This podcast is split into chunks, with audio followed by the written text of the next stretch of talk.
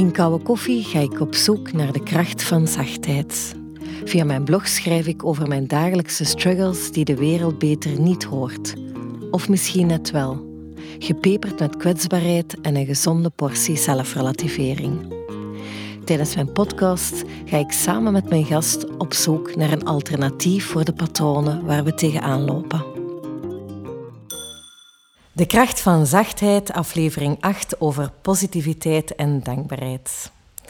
Maiken is master in de positieve psychologie en in de klinische psychologie. Haar missie is om het goede leven te onderzoeken en te ervaren. Welkom. Dank u. Maaike, ik las op jouw website dat het geluksniveau van mensen voor 50% wordt genetisch bepaald, 10% door de omstandigheden waarin we leven en maar liefst 40% door wat we doen en wat we denken. En ik dacht toen, met al jouw tools om het anders te doen en te denken, sta jij altijd positief in het leven? Ik mag nadenken ook, hè? Mag dat? ik weet niet of het doel is om altijd positief in het leven te staan, maar ik denk wel dat ik de laatste jaren veel dichter bij floreren gekomen ben.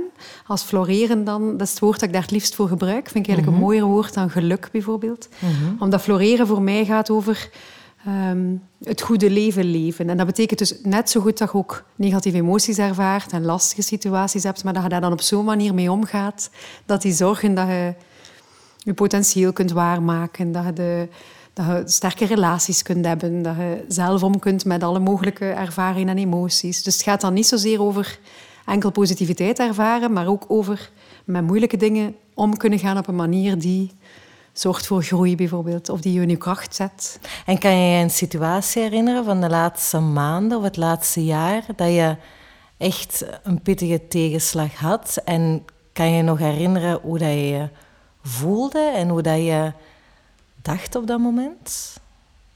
Ik heb dat wel vaak. Hè. Het is helemaal niet zo dat dat er niet, dat dat er mhm. niet is.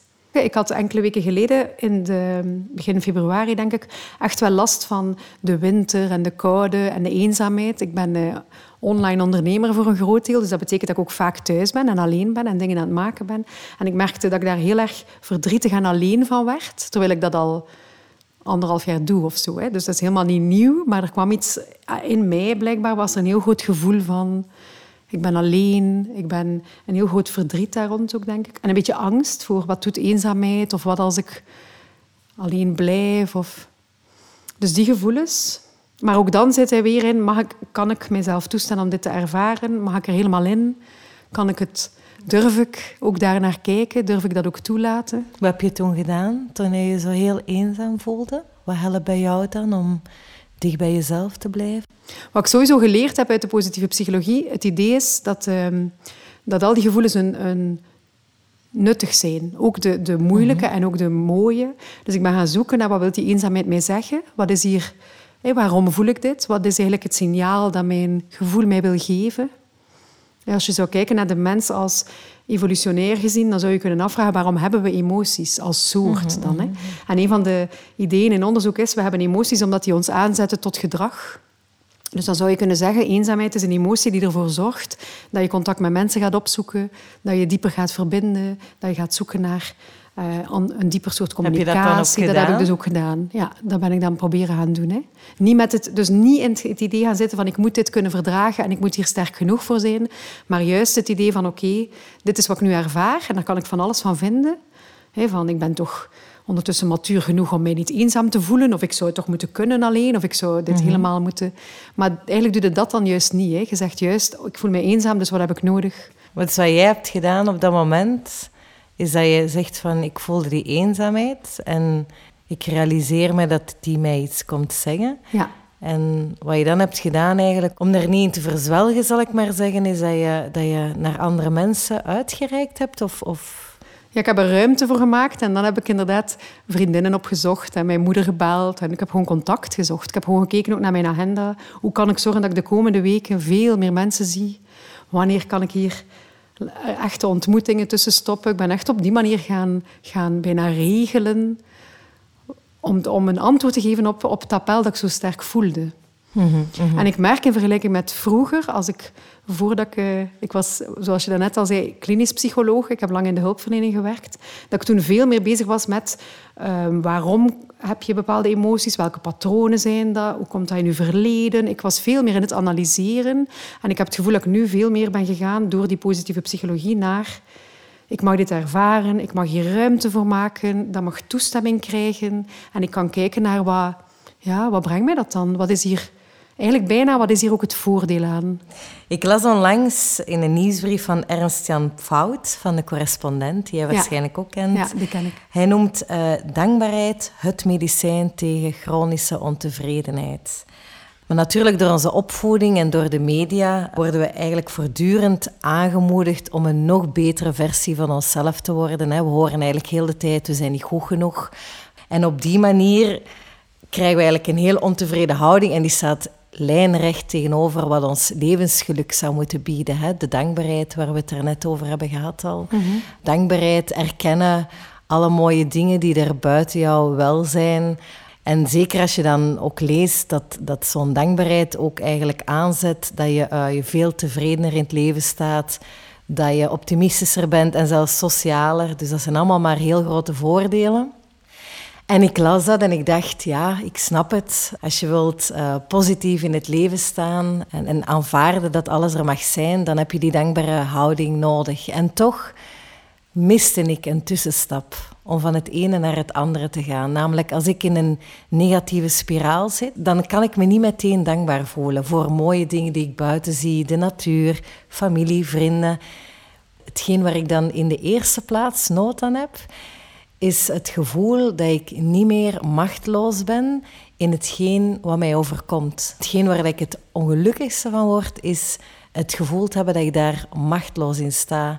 Op zo'n momenten herinner ik me heel hard terug het idee van ik heb altijd een keuze. Ik heb ooit het boek De Keuze gelezen van Edith Eger, de holocaust-overleefster.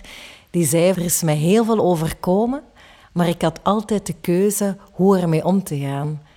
En dat boek heeft mij eigenlijk heel erg aangegrepen. En op momenten dat ik helemaal in een negatieve spiraal zit, kan ik me op heldere momenten plots herinneren: ah ja, maar ik heb wel de keuze hoe ik daarmee omga.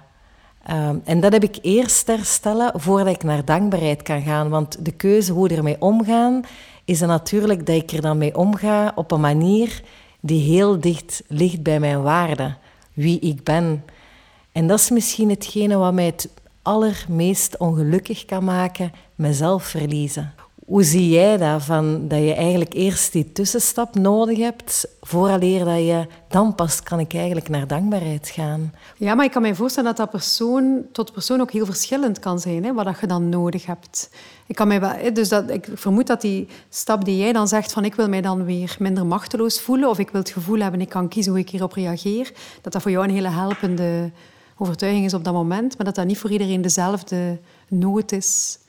Hoe is het voor jou als jij je op een bepaald moment, um, als jij in een negatieve spiraal zit of als je vastzit in je denken en je het gevoel hebt dan, oh, ik, ik merk dat ik mij nu vooral focus op wat dat er niet is, in de plaats van op wat dat er wel is. Wat heb jij dan nodig om daaruit te geraken, Maaike? Ik denk dat er in mijn leven twee dingen zijn. Hè. Ik heb een, um, een soort uh, dagelijkse praktijk van dingen die ik doe, waardoor het makkelijker gaat, waardoor dat alles makkelijker gaat. Maar dat zijn niet per se dingen die ik dan doe als het moeilijk is. Hè. Dat zijn gewoon dingen die ik altijd doe. Eigenlijk bijna een van mijn favoriete zinnen is dan we denken ook niet dat we met één gezonde maaltijd dat we dan de rest van ons leven gezond blijven. Ik geloof ook niet dat je met één interventie voor de rest van je leven geestelijk gezond of content blijft. En, in mijn praktijk ja, zit bijvoorbeeld, ik mediteer elke dag. Ik schrijf elke dag drie ochtendpagina's. En die gaan ook heel vaak over waar ben ik dankbaar voor. Wat zit er rondom mij. Heel vaak schrijf ik hier dan... wat een mooie plek heb ik hier om te werken. Zo leuk dat ik vriendinnen heb die mijn collega's zijn. Allee, dus dat gaat eigenlijk sowieso al over... Het is alsof ik een soort... Ik heb het gevoel dat ik een soort matras onder mijn dag leg. Dat er al een laagje is. En dat heeft voor mij heel veel verschil gemaakt. En dus in die zin, als ik jouw vraag hoor, dan denk ik, het is bijna alsof je zegt, ik wil uh, iets heel moeilijk kunnen tillen en ik wil dan spierkracht. Maar die spierkracht die is er omdat je elke dag traint, bijvoorbeeld. En dan zal het dus makkelijker zijn om een zware rots omhoog te krijgen. Terwijl als we alleen maar gaan kijken naar wat kan ik doen op het moment dat die zware rots op mijn voet ligt, dat is gewoon een heel moeilijke plek om dan je brein te leren om andere gedachten te hebben of voor andere dingen aandacht te hebben. Dus in mijn ervaring is het inderdaad een soort... ehm, ja, ik zeg praktijk omdat dat in het Engels zo mooi practice noemt. Hè? Je, de dagelijkse beoefening van leren kijken naar kleine dingen om dankbaar te zijn. eh, leren contact maken met hoe is het met mij nu op dit moment? Wat zijn mijn gedachten? Wat zijn mijn emoties? Hoe kan ik ook, want dat is wat meditatie doet, zien dat ik dat niet ben. Dat ik degene ben die kijkt naar wat ik ervaar. Dus daar zit een soort, wat jij ook zegt, hè? ik kan kiezen. Dit is een situatie en ik kan zien wat er gebeurt. En ik kan dan bewust of intentioneel een stuk kiezen hoe ik wil reageren. Dus die zit daar zeker ook in. Hij zei daarnet van ik doe twee dingen. Enerzijds proactief, Ah, ja, ja. die matras leggen. Ja. Heel mooi, heel mooi beeld ook. Ik kan me inbeelden dat je dan schokbestendiger bent dan... eh, Veren, hè? ja, je, kan, Ja. je hebt een betere veerkracht, effectief. Ehm, en wat was het tweede ding? Ik heb een eh, lijst van wat ik kan doen als, met mij, als ik mijzelf verlies. Hè, zoals je net zei, als ik de pedalen kwijtraak. Want in mijn ervaring weet ik dat dan ook niet meer. Ik weet dan niet meer wat dat mij gelukkig zou kunnen maken of waar ik rustig van zou worden. Of... Dus ik heb ook letterlijk, die staat in mijn bullet journal, hè, die Ja, ja. schrijf ik dan elke keer over, een lijstje van best stomme dingen. Hè, in bad gaan, met de hond wandelen, Friends kijken. Idioten een beker chai latte voor mijzelf maken, want dat kan ik niet bedenken. Op dat moment zit je zo vast dat je daar Dat je dat dan niet op kan komt. zien. Ah ja, dat is wel verstandig dat je het dan gewoon opschrijft. Mag ik nog een keer linken naar onderzoek? Als je kijkt naar de hersenen, dan blijkt dus dat op het moment dat we een... Eigenlijk blijkt dat onze ervaringen worden gelabeld naar emoties. Dus dat betekent, als je in een negatieve emotie zit, dan heb je heel makkelijk toegang tot moeilijke herinneringen en tot ingewikkelde toekomstbeelden. Want die hebben hetzelfde emotionele label.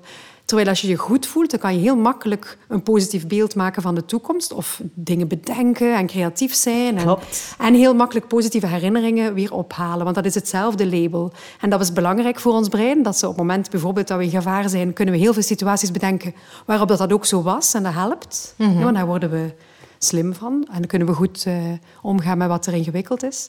Maar het nadeel is, als je dus inderdaad helemaal in zo'n moeilijke ervaring zit, dat je niet meer kan zien wat er aan positieve mogelijkheden zijn. Je raakt niet meer bij die ideeën. Je kunt ze gewoon niet meer verzinnen. Nee, klopt. Ze, zijn weg.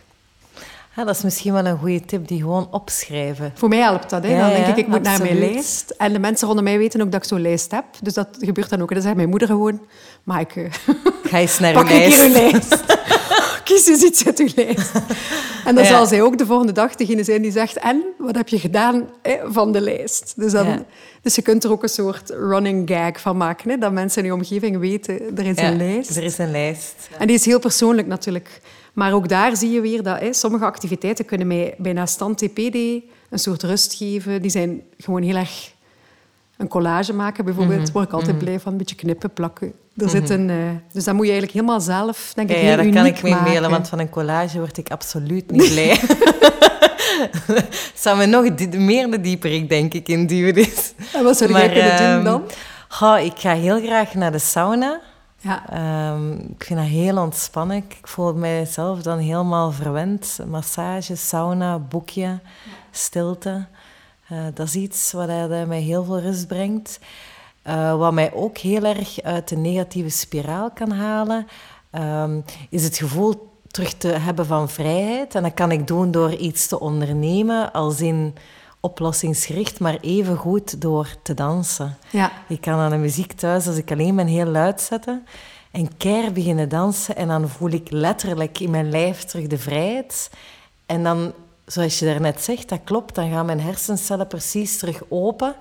En komen er normale, goede ideeën terug binnen of zo. En dat, dat je terug ja, letterlijk in beweging komt. Dat is ook wat wat er, ik eh, ervaar. Ja, en Barbara Fredrickson heeft veel onderzoek gedaan naar positieve emoties. En die noemt dat dan broaden and build. Hè. Die zegt Mhm. positieve emoties verbreden. Die zorgen dus voor een breder perspectief.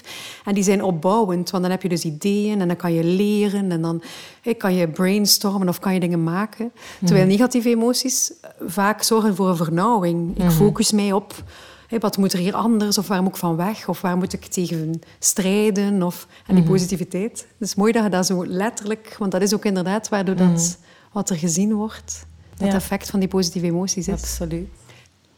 Een positivoloog focust op wat er wel is en is er dankbaar voor, in plaats van te focussen op wat er niet is. Nochtans, vanaf dat we klein zijn eigenlijk, wordt er heel vaak gefocust op ons tekort of op wat we niet hebben of op wat we nog niet kunnen.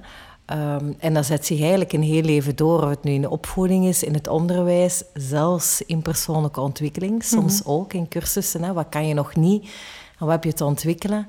En eigenlijk wat ik me toen bedacht is van, zouden we niet allemaal beter um, inderdaad focussen op wat we wel kunnen en bijvoorbeeld ook in, in de professionele wereld tijdens evaluatiegesprekken gaan we vaak kijken, wat kan je nog niet en wat wil je nog leren en wat wil je nog beter in worden?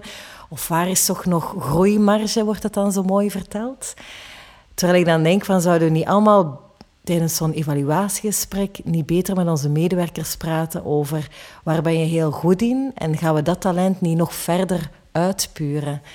Zou dat niet een heel andere mindset geven in heel uh, de bedrijfswereld? En zou het bijvoorbeeld ook al niet een heel belangrijke sleutel kunnen zijn in de aanpak tegen burn-out?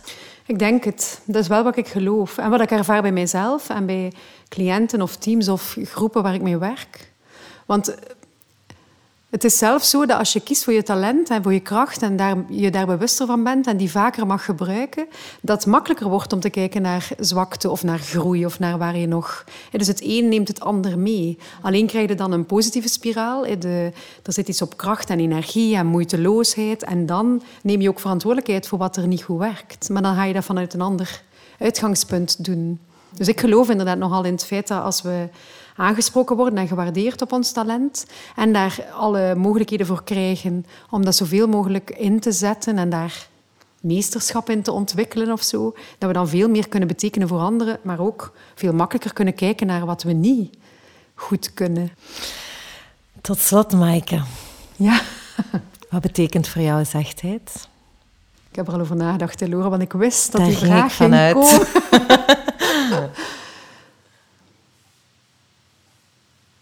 Ik associeer zachtheid met... Ik merkte dat... Ik associeer zachtheid met tijd, blijkbaar.